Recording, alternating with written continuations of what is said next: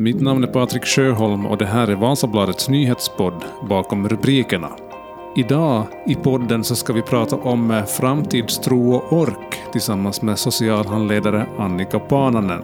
Ett eh, riktigt intressant samtal som dessutom ger konkreta tips på hur man ska gå tillväga om man känner att man behöver lite hjälp på vägen.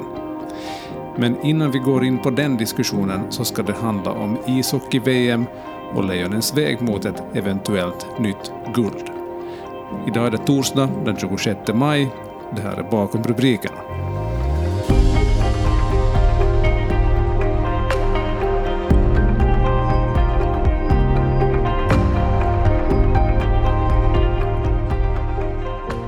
Gruppspelet i hockey-VM det är nu över för den här gången och Finland har radat upp segrar. Den senaste då igår kväll då, då Tjeckien fick se sig besegrat med siffrorna 3-0. Ludvig Andersson, sportreporter här på Vasabadet, du följer VM på plats i Tammerfors och har rapporterat om, om Finlands matcher hittills. Vad skulle du säga ditt helhetsintryck är av det finländska landslaget hittills? det är ju så oerhört stabilt. Eh, man har ju blivit bortskämd med, med Jukka Jalonen coachade landslag och, och om man blickar tillbaka bara en fem, tio år bakåt i historien så var Finland alltid lite fågel, fisk eller mittemellan. Att, att, att de var visst alltid medaljfavoriter, kunde alltid slå ur underläge, men den här prestationsnivån var så otroligt ojämn så ena stunden kunde man floppa mot Danmark och andra, andra stunden kunde man besegra Ryssland under Jukka Jalonens ledning så har Lejonen hittat en aldrig tidigare skådad jämnhet så att säga. Att, att till och med fast Finland gör en dålig insats så är den prestationsnivån ändå tillräckligt bra för att besegra nästan alla motståndare. Och Finland gjorde ju en jättedålig insats mot Sverige och mm. ändå räckte det till, till det här förlust först efter straffar. Så att helhetsintrycket otroligt imponerande. Jag hade i och för sig inte väntat mig något annat när det är Jukka Jalonen som coachar Lejonen. Äh, sett i turneringen så jag menar enda poängtappet mot Sverige hittills. Äh, sex segrar, det torde vara det näst bästa gruppspelet någonsin av ett Lejonlag sedan systemet med åtta lag i två grupper infördes 2012. Uh, äh, och så är det bara att kolla på statistiken. Eh, Finland har gjort 25 mål, eh, släppt in fem, varav fyra då i, i, i spel. Det ena målet är ju från straffförlusten mot Sverige. Och Finland har hållit rent, rent mål i andra, alla andra perioder hittills. Så de, de har spelat sju andra perioder utan att släppa in ett mål.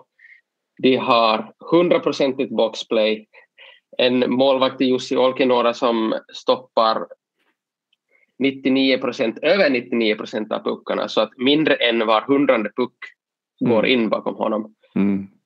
Över 30 procent i powerplay och, och, och, det där. Nej, ett samspelt lag. Jag mm. är, det, det är konstigt, det, det borde inte gå, gå att förvånas mer av, av Lejonen men man, man överraskas gång på gång hur bra det är. Så att mm. jag är imponerad. Jag är inte minsta orolig för så att säga ödesmatchen, kvartsfinalen mot Slovakien mm. på torsdag. Mm. Det här kommer att gå riktigt, riktigt bra. Mm. Du bäddar ganska fint med statistik där. Jag ser lite kanske vart du är på väg med, med den analysen att det, det kan eventuellt gå hela vägen den här gången också.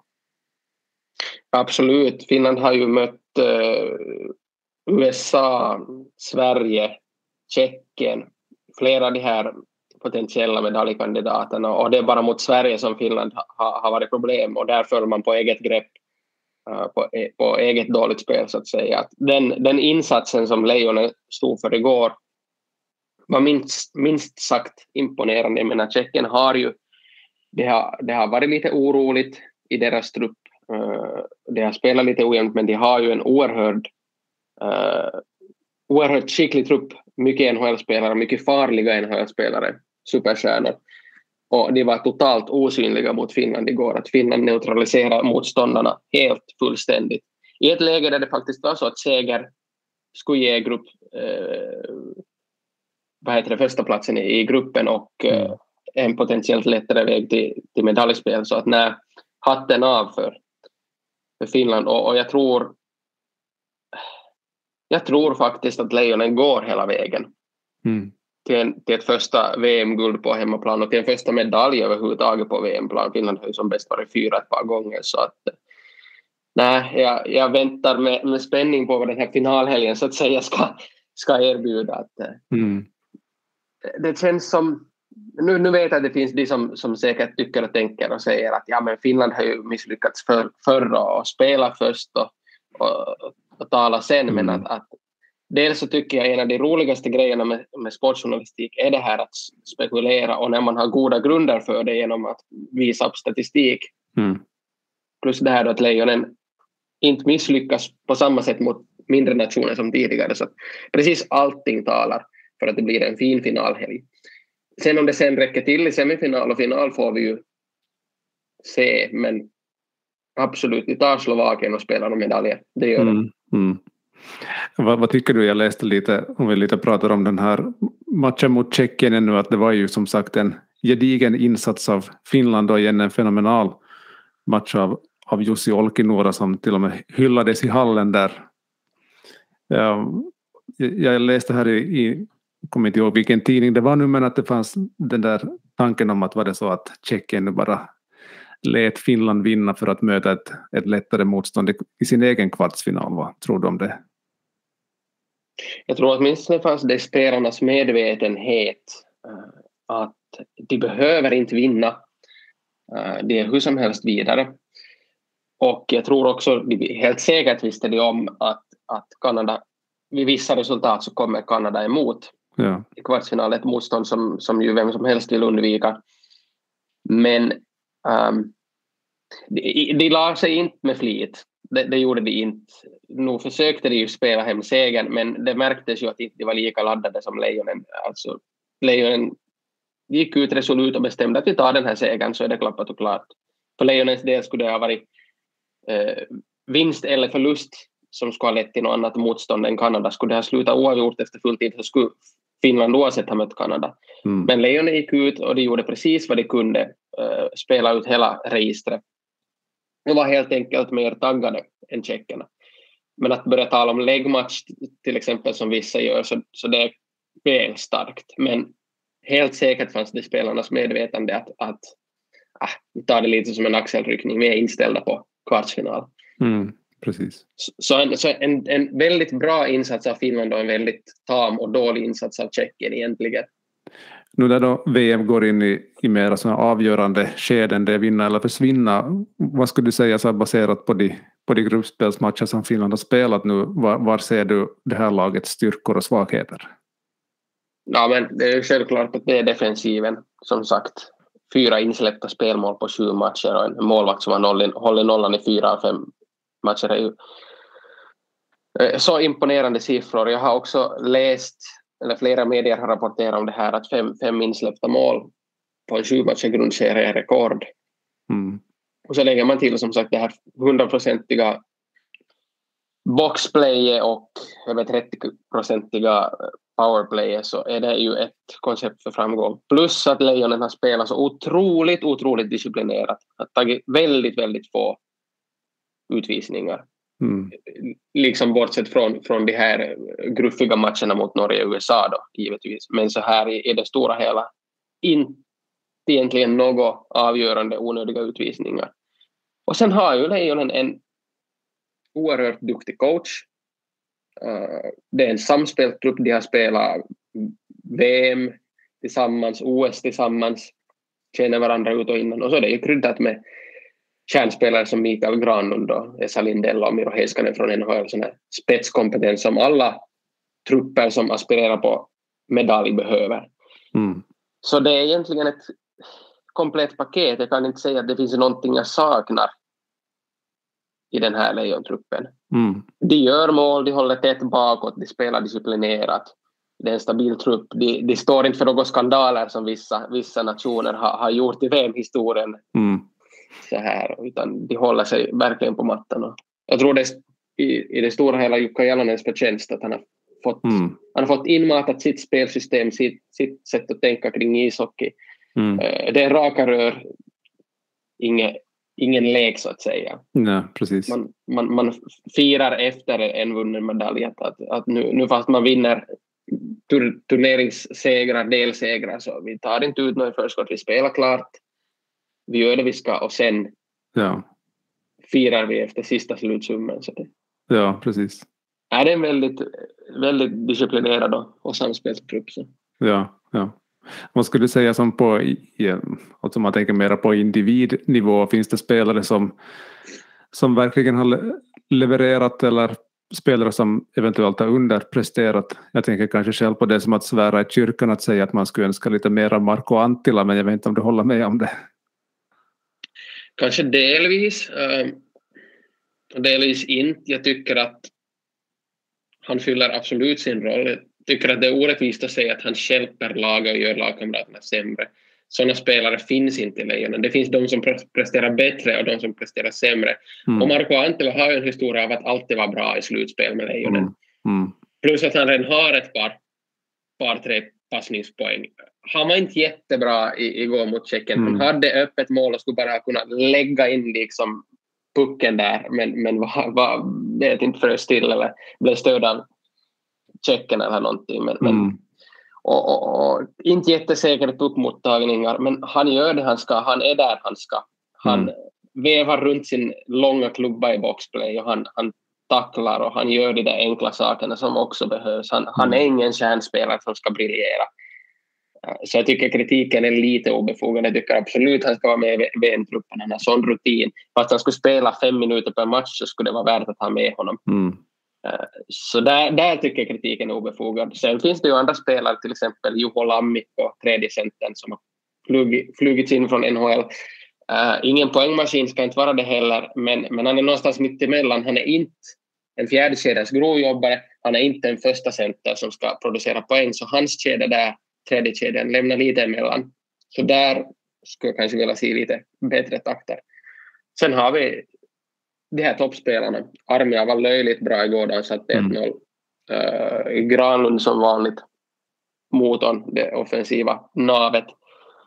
Heiskanen, Seppälä backpara var bra. Olkinuora givetvis strålande så att det finns helt klart mer positivt än negativt i den här Mm. truppen om vi tittar spelare för spelare. Att, att även de som så att säga underpresterar så presterar på en hög nivå. Så Mm. kan vi kanske sammanfatta det. Precis. Om vi ska lite prata sannolikhetslära, vad är sannolikheten för att Finland lyfter VM-bucklan det här året? Hemma-VM och allt. Då blir det en på, en på åtta i nuläget. Så Ja. vinner kvartsfinalen 25 procent. Ja, ja, det är, ju, det är ju spännande sånt där. Det är mycket som spelar in. Det är ju inte bara det där att man har åtta lag och ett av dem lyfter bucklan. Och Det finns ju, man måste ta i, i beaktande olika parametrar. Som det att Lejonen faktiskt är ett av de bästa lagen i den här turneringen. Okej, Schweiz var bättre. Allting, allting just nu talar för, för finländskt mm. VM-guld. Mm. Utan att, att nämna nå statistik. Men, men, men rent, rent statistiskt så är det väl över, bra över 10 procent om man bara tar de lag som är kvar. Men, men intuitionen, äh, erfarenheten, äh, så som Finland spelar, så säger att det blir VM-fest på söndag. På torsdag kväll då först eh, Slovakien. Vad är det för typ av motståndare nu för tiden? Slovakien var ju farliga för no, x antal år sedan, men vad, vad är det för typ av lag nu för tiden? Slovakisk hockey har ju länge varit på dekis och gått på knäna. Få NHL-spelarna har blivit färre och färre. NHL, eh, de spelare som har draftats till NHL har blivit färre och färre. Men nu har det vänt på senaste året, och det är jätteroligt. Eh, Slovakien har flera unga kärnor på kommande, framförallt den här TPS-anfallaren Juraj Slavkovski som, som, som leder Slovakernas poängliga i VM och var med och vann OS, OS-brons i, i Peking i februari. Så att det är en ung trupp, det är en fräsch trupp som rider på den så att säga nya framgångsvågen i slovakisk hockey. Det var ju där i början kring början av 2000-talet som Slovakien var så oerhört bra, vann guld, silver och brons i tre raka VM så här. Peritrissa var alltid en farlig motståndare på OS-nivå. Tio, tio dåliga år här, 2010-talet, men nu är man på gång igen och det är så roligt att se. Det är ett, det är ett snabbt lag, det är ju en sån här typisk slavisk kontringshockey de spelar. Uh, offensiv, uh, rolig, kanske lite ojämn, står också för misstag, men det är ett roligt lag att se. Det är ett svårt lag att möta i och med att de, de rider på så att säga en framgångsvåg med unga spelare som bär laget och, och, och de, de tog som sagt OS-brons i vintras. Nu är de kvartsfinal, vilket inte har hänt så jätteofta de senaste tio åren. De har ofta haft haft problem att ens ta sig i topp åtta. Så att ingen tvekan om att, att det blir en svår match på torsdag, det blir det. Men, men spelare för spelare är Lejonen bättre. Lejonen är bättre coachat. Lejonen har ett bättre spelsystem, en tätare defensiv, en astronomiskt bra målvakt. Så att säga ingenting talar för slovakisk seger. Uh, de må kunna överraska andra nationer, men jag tror inte att de kan överraska Lejonen mm. på torsdag. Mm. Så att det är nog en, det är nog en, det är en tight match, men, men det går vägen för Lejonen. Mm. Det gör det. Ett par mål kanske, skillnad där. 3-1 eller så. Precis. Ja, 3-1 sa du. Om du får fortsätta mm. där på en helt imaginär pitkävet, hur ser det ut fram till finalen? För Lejonens del eller för ja. hela turneringen? Lejonen. 3-1 mot Slovakien på torsdag, sista början kanske i tombur, avgör i tredje perioden. Uh, sen enligt rankingen så borde det vara så att om, om både Finland och Sverige går vidare så, så borde de ställas mot varandra faktiskt i semifinalen. Det, det blir ju häftigt. Ja. Och där blir det nog, det är nog oförutsägbart. Jag menar, Sverige kryllar av NHL-talang och William Nylander där i spetsen, oerhört skicklig forward. Ja. Uh, men det här måste nog gå för Lejons seger, säg 3-2 mm. kanske, oerhört spännande match. Sen mm. final som jag tror att Lejonet tar. Jag tror att Lejonet tar ett VM-guld, uh, men det beror så mycket på vem som är där. Tar sig Schweiz till final så blir det, då blir det svårt. Jag, jag håller Schweiz som turneringens kanske skickligaste lag så här om man tittar på, på spelar på målskytte och, och spelarkompetens. Ja, men det är svårt att säga vem som kommer mm. emot i finalen, men, men det blir seger. Det, det blir det. Det, det är du ingen, Ja, ingen lätt seger, tvärtom. Det, det ska inte vara lätt. Det blir spännande, det blir tufft. Men jag tror att det blir seger. Så som VM och hockey ska vara, spännande och tufft. Ja, visst. Bra, tusen tack ska du ha för det här Ludvig. Tack ska du ha.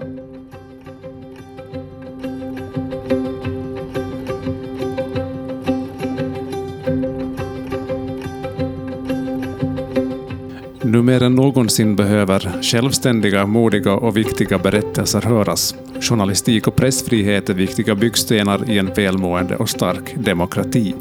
Vi här på Vasabladet vill kunna ge våra läsare och lyssnare den bästa bevakningen och rapporteringen om sånt som händer i samhället och i världen. Vasabladets nyheter hittar du i VBL-appen, nyhetssajten vasabladet.fi och via Radio Vasa. Kom också ihåg att följa Vasabladet på Facebook, Twitter och Instagram. Tack!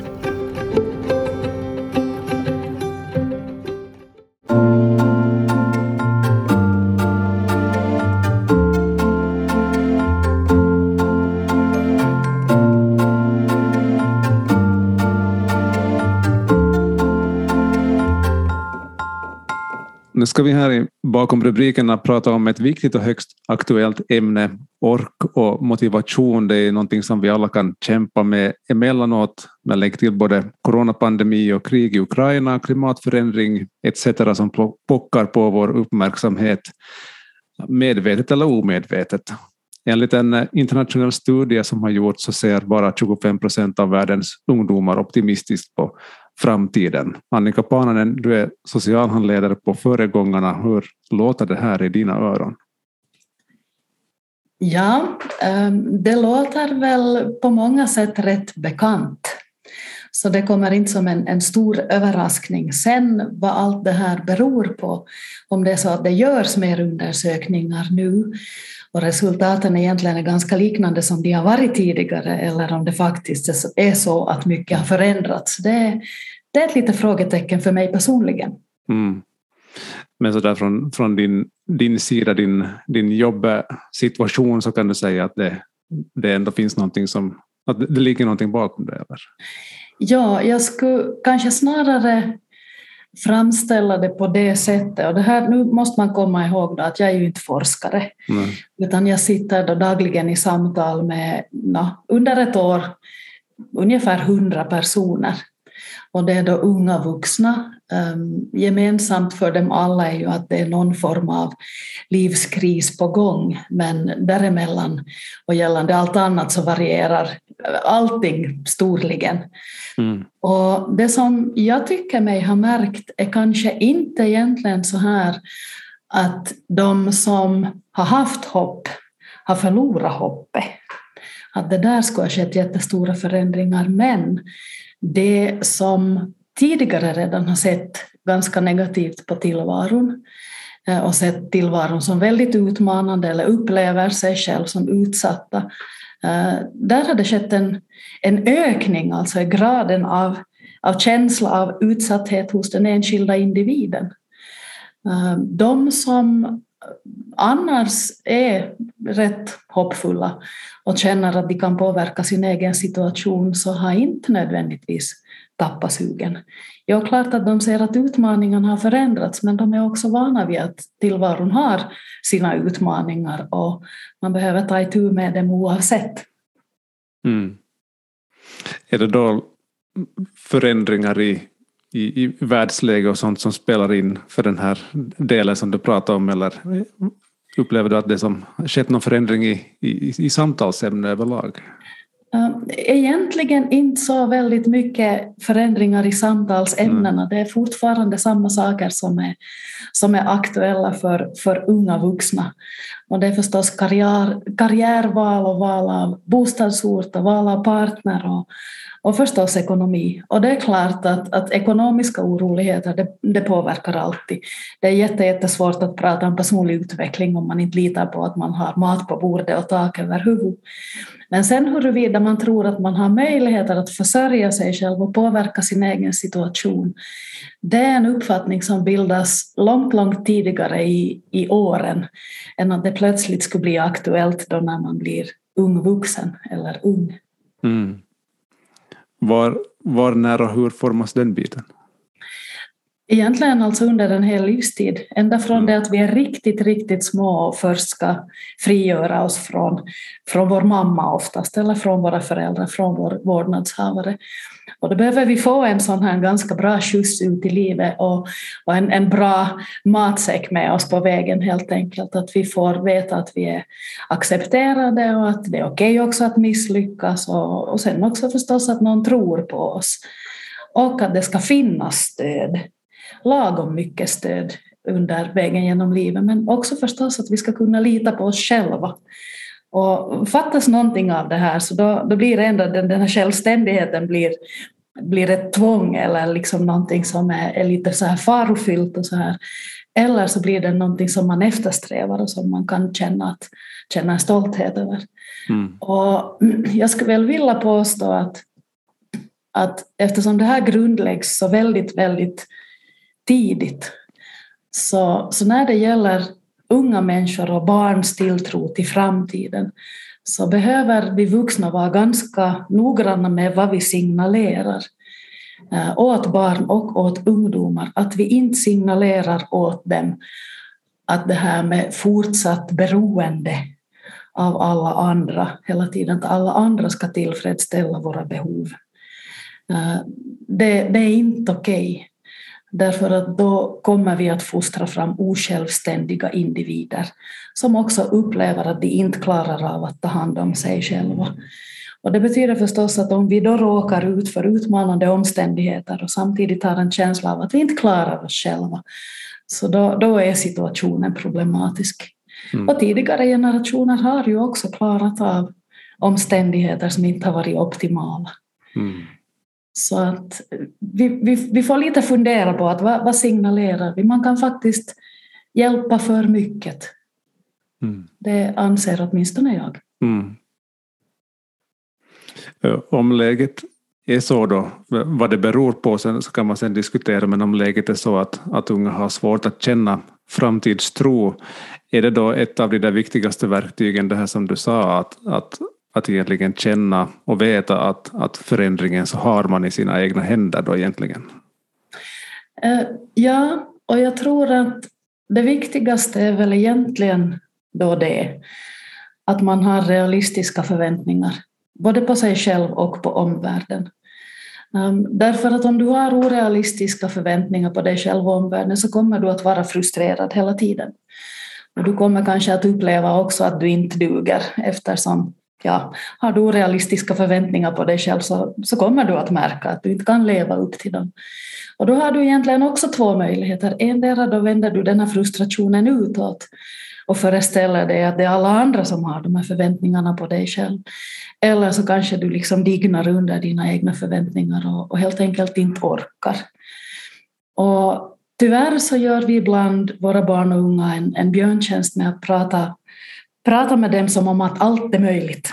Om man bara tror eller, eller om du bara försöker så, så då är allt möjligt och då har du potential till precis vad som helst. Det stämmer ju inte. Mm. Och om man går ut i livet och tror det så kommer man förstås att vara väldigt, väldigt frustrerad. Och vänder man den frustrationen utåt så kommer man att uppleva sig som utsatt. Och upplever man sig som utsatt så kan man förstås då förvänta sig att någon annan ska fixa det här för att det är synd om mig. Mm. Och jag höll nyligen en föreläsning inför ett sån nätverks, en nätverksträff för, för ungdomsverkstadsanställda och pratade faktiskt på ett, ett ämne som är lite sådär, när man kan fundera att politiskt korrekt eller inte, men, men lättkränkt och överkänslig. Varför mm. är det alltid synd om vissa? Och det kan man fråga sig, att varför är det alltid synd om vissa? Och det, det vi får, tror jag, akta oss för att, att göra så här att, att unga börjar uppleva att kontrollen över livet alltid är i händerna på någon annan. Eh, för att det, det är den inte. Eh, vi kan påverka en del, men vi kan förstås inte påverka allt. Men om vi överger, liksom, överger oss själva med att ge kontrollen åt någon annan i alla avseenden och, och väntar oss att, att de ska ta hand om oss eller att de ska sköta om hela vår problematik för att vi inte klarar av, oss, klarar av det och inte har lärt oss det själva, så kommer vi att vara offer sen när någon får för sig att, att missbruka den, det beroendeskapet. Mm. Så vi blir, vi blir mer lättstyrda om vi inte känner oss själva, inte accepterar oss själva och inte inser också att vi behöver påverka vår egen situation samtidigt som vi kanske också behöver lämna sånt åt sitt öde som vi inte kan påverka. Mm. Vi mm. kan inte påverka allt. Vi kan Nej. inte. Nej, liksom vårt förhållningssätt då till, till sånt som vi inte kan påverka, sånt som är utan vår kontroll. Jag tänker där kommer kanske lite diskussionen om ens personliga ekonomi till exempel. Jag kan göra ganska lite åt att bensinpriset är så högt som det är, att maten har blivit så dyr som den är och kanske blir ännu dyrare. Hur ska man förhålla sig till, till den typen av frågor? Man behöver förstås främst se över sin egen livsstil. Ja. Vad är nödvändigt och vad är inte? Vad är basbehov och vad är inte? Ehm, och sen förstås, vi har en sån här syn på hur livet borde se ut, som om det skulle finnas ett facit. Det finns det förstås inte. Det finns inget facit. Det enda vi vet är att allt förändras hela tiden. Och det betyder förstås att om vi inte då har lärt oss och accepterat att vi behöver förändras med förändringen så kommer vi igen då att bli frustrerade och känna oss hjälplösa och, och ha svårt att, att förändras med den. Och egentligen det enda du kan påverka sist och slutligen med säkerhet är ju dig själv. Du kan inte ens påverka andra väldigt, väldigt mycket, inte i längden, med mindre förstås än att de tillåter det. Men då har vi igen ett, ett, ett missbruk egentligen av, av maktbalansen. Mm. Um, jag minns då du var med förra gången i den här podden. Jag skrev upp att det var 11 februari 2021. Det var avsnitt 12, det här blir avsnitt 94, så det har hänt en, en del här emellan. Det har både hänt och inte hänt saker med tanke på att det, det, pandemin höll på kanske mycket längre än vad vi då satt och spekulerade kring. Eh, jag kommer ihåg att du då pratade om det med, med resiliens. Ja, och den som funderar på vad det, vad det fina ordet betyder, så det handlar alltså om den här långsiktiga förmågan att hantera förändringar och fortsätta utvecklas. Borde vi inte ha sjuhelsikes resiliens nu efter det här? Så länge med pandemi och, och allt vad som pågår. Jag tycker ju att den hos en del personer har ökat. Ja.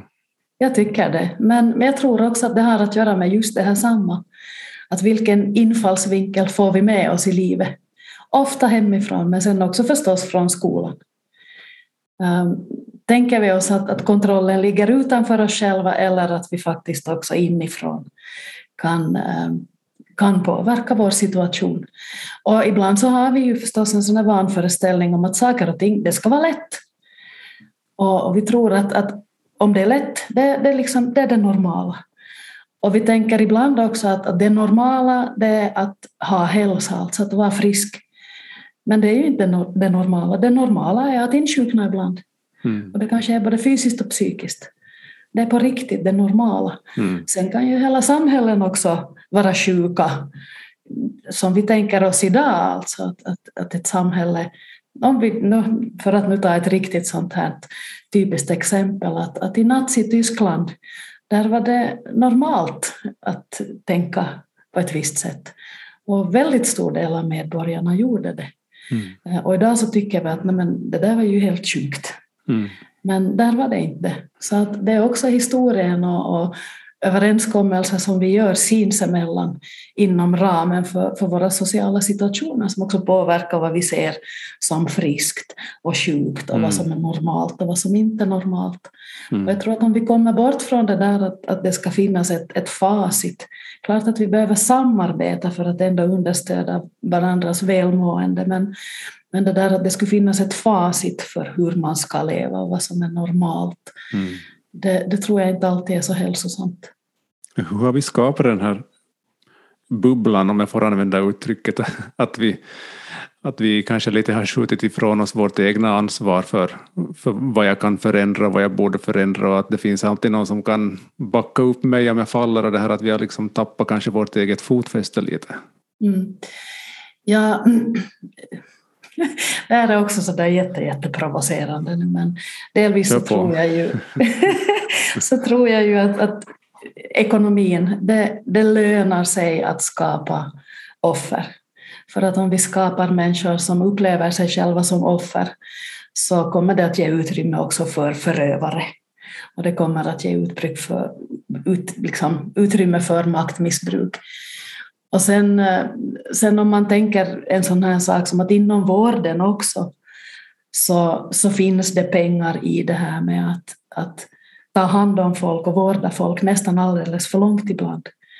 Um, nu, nu är jag inte, absolut ingen konspirationsteoretiker och ogillar ord som big pharma och sådana här grejer men, men det finns ju en ekonomi i det.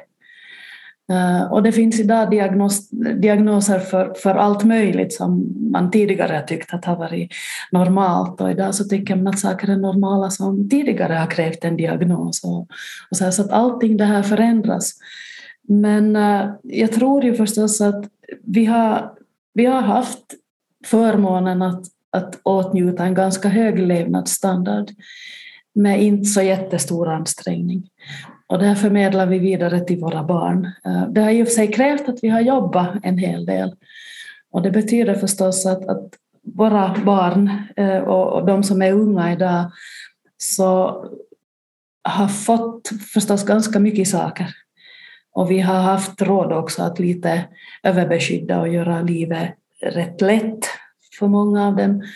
Samtidigt som vi inte nödvändigtvis riktigt har varit där och det betyder att en, del av, en ganska stor del av dagens unga så har anknytningssvårigheter.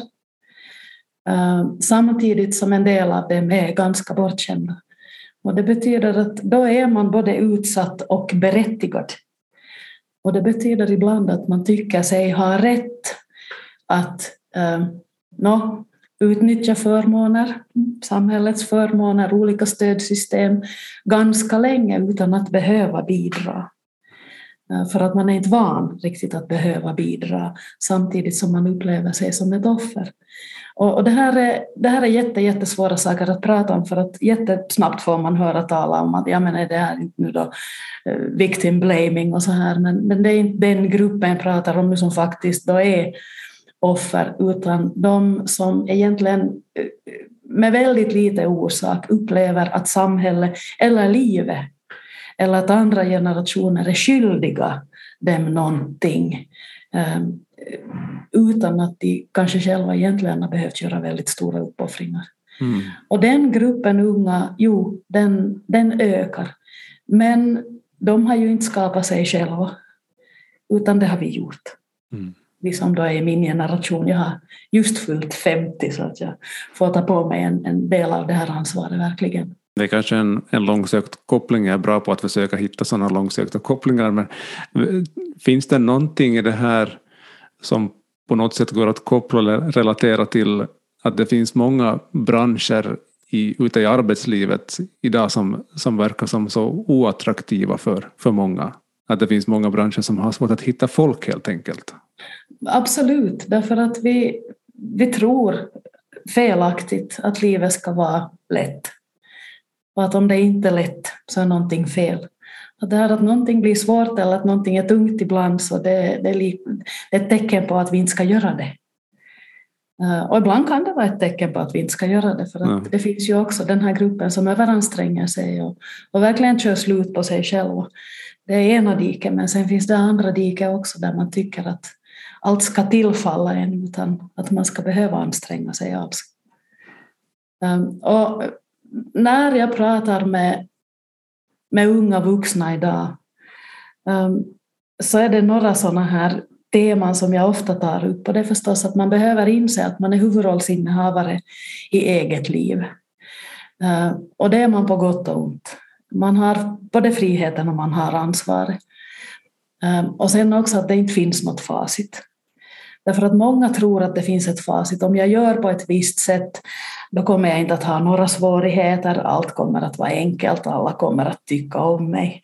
Det existerar ju i verkligheten inget sånt. Det är sån spår av magiskt tänkande som, som en del av oss ja, det lämnar på helt enkelt sen, sen barndomen. Och, och det här. Därför att, att bli väldigt, väldigt realistisk, alltså att, att verkligen göra en sån här riktigt krass, nästan SWOT-analys över sig själv och sitt eget liv. Vilka resurser har jag? Vilka resurser har jag inte? Vad kan jag påverka? Vad kan jag inte påverka? Eh, och sen helt enkelt acceptera det. Och inte acceptera det på det här sättet att, att du liksom bara ger upp och slår ut med händerna att jag är nu dålig liksom på så väldigt mycket saker så jag ska inte ens försöka. Därför att i slutändan då så, no, egentligen tar du livet av dig för att framtiden kommer vare sig du gör en ansträngning eller inte. Och om du inte är med och klarar av att vara helst lite flexibel och stagnerar totalt så, så kommer du inte att klara dig. Så det är ett bra sätt att, att begå ett, ett självmord riktigt, riktigt långsamt. Mm. Att vägra förändras och vägra ta ansvar.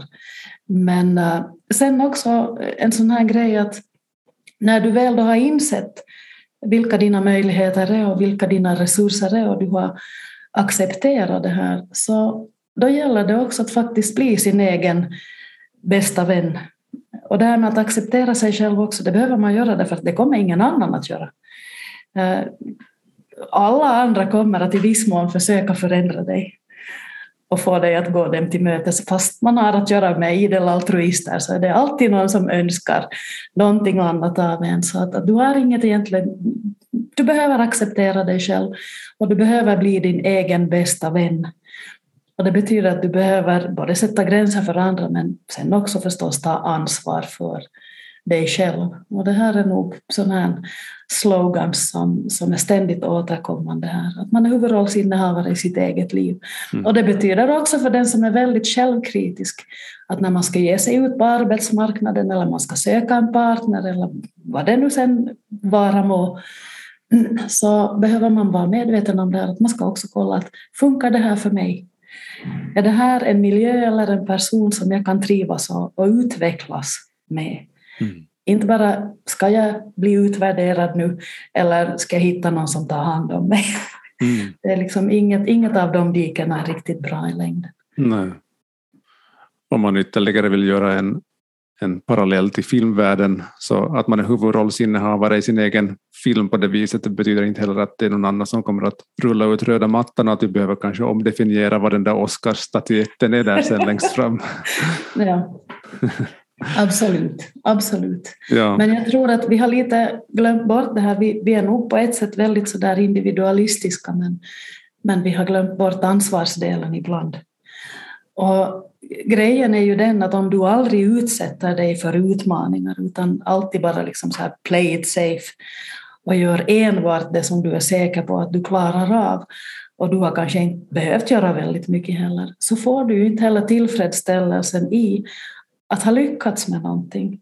Och när man lyckas med någonting och när man märker att man klarar utmaningar så blir man ju också tryggare med sig själv.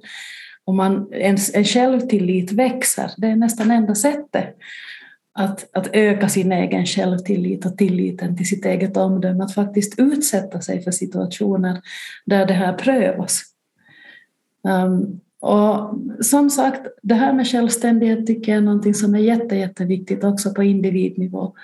Därför att är vi inte självständiga så långt som det nu är möjligt, vi är ju flockdjur så att vi behöver ju varandra, men om vi ändå är rätt självständiga individer och är på det klara med att vi också är olika. Jag är jag, du är du. Du är inte en förlängning av mig, jag är inte en förlängning av dig. Och därför behöver vi också förhandla kring olika situationer för att det ska fungera för, för oss båda.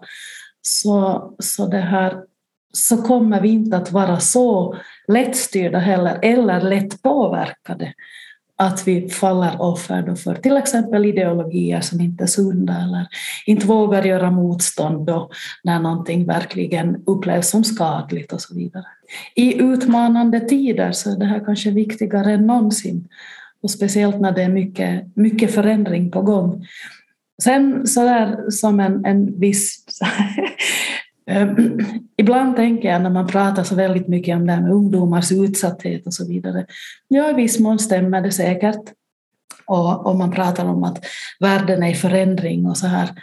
Nå, vilka är det tidigare? Om man tar nu tidigare generationers ungar och så här.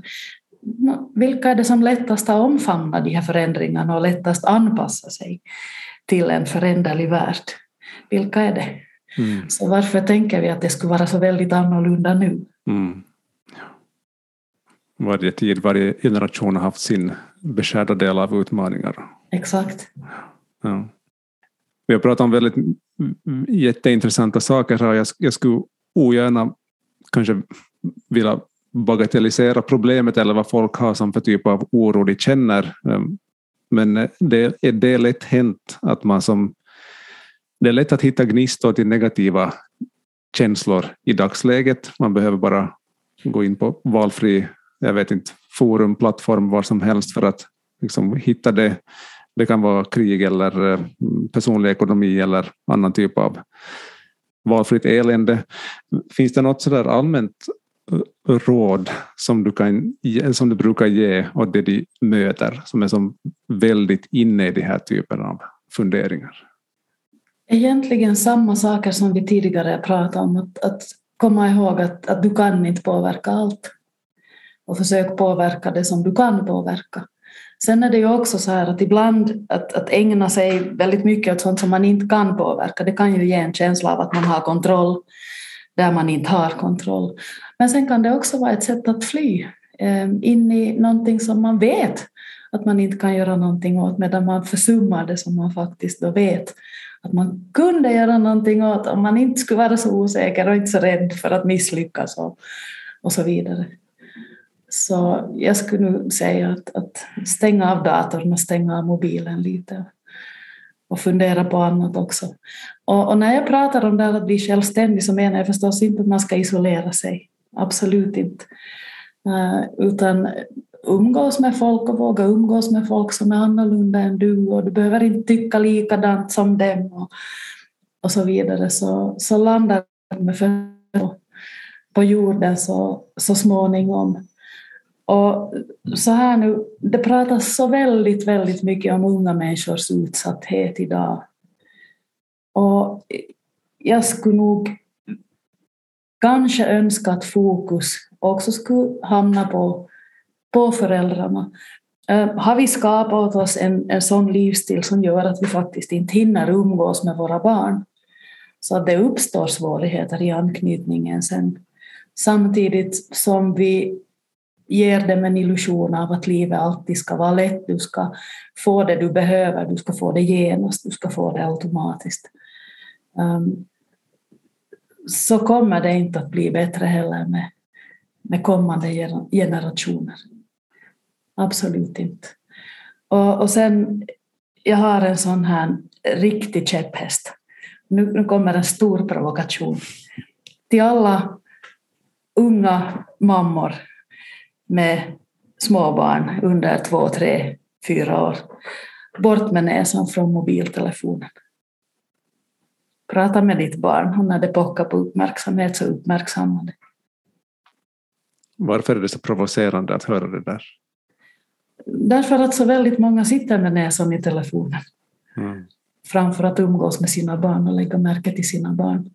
Och, och jag tror att det här påverkar till exempel anknytningsskadorna och anknytningsmöjligheterna också mycket mer än, än vi har förstått. Uh, därför att en förälder som är där men som ändå inte är tillgänglig, det är någonting ganska förnuftsvidrigt för ett barn. Och det betyder förstås att det blir väldigt, väldigt kluvet.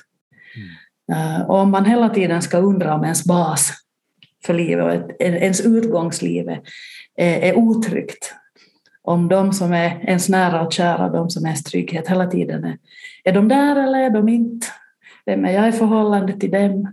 Och så vidare. Så, så det gör någonting med självbilden som, som jag tycker att jag har sett faktiskt eh, öka och bli lite mer problematiskt eh, under mina nu då 20 år inom den här branschen och faktiskt också på samma arbetsplats att anknytningsskadorna anser jag, anknytningssvårigheterna, inte nödvändigtvis så där att det har lett till, till personlighetsstörningar eller, eller så här, men, men faktiskt att anknytningssvårigheterna de har, de har ökat och med dem också en, en realistisk självbild. Du kastar upp bollen för nästa poddavsnitt hör jag här. Okej. Okay. Tusen tack. Det blir spännande. Ja. tack ska du ha Annika. Yes, tack. Du har lyssnat på nyhetspodden Bakom rubrikerna, en podd från Vasabladet. För intervjuer, klipp och produktion står jag, Patrik Sjöholm. Nu har du som lyssnare och inte är prenumerant möjlighet att prova på Vasabladet en månad för endast en euro. Det ger dig tillgång till allt innehåll på nyhetssajt och i VBL-appen. Allt du behöver göra är att söka dig till vbl.fi podd. Det var allt för den här gången. Jag säger igen stort tack för att du har lyssnat på detta avsnitt. Vi hörs igen om en vecka. Ha det gott!